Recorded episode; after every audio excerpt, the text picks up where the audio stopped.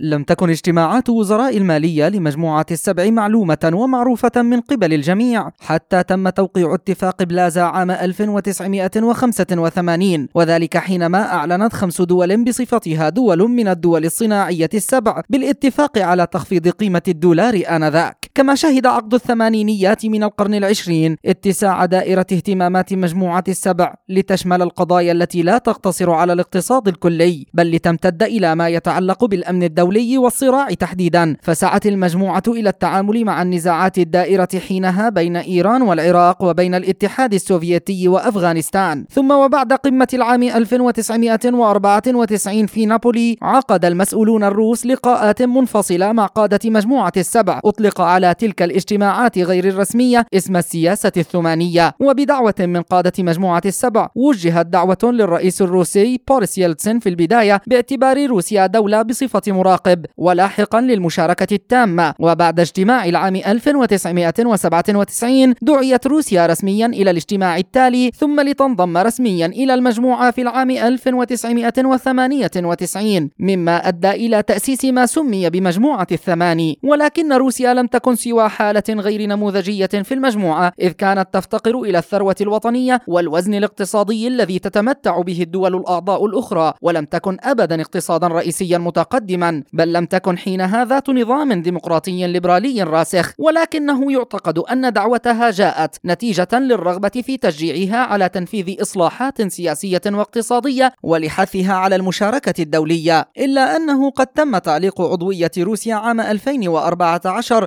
بسبب ضمها لشبه جزيرة القرم. وفي عام 2017 قرر الاتحاد الروسي مغادرة مجموعة الثماني لتعود تحت اسم مجموعة الدول السابع.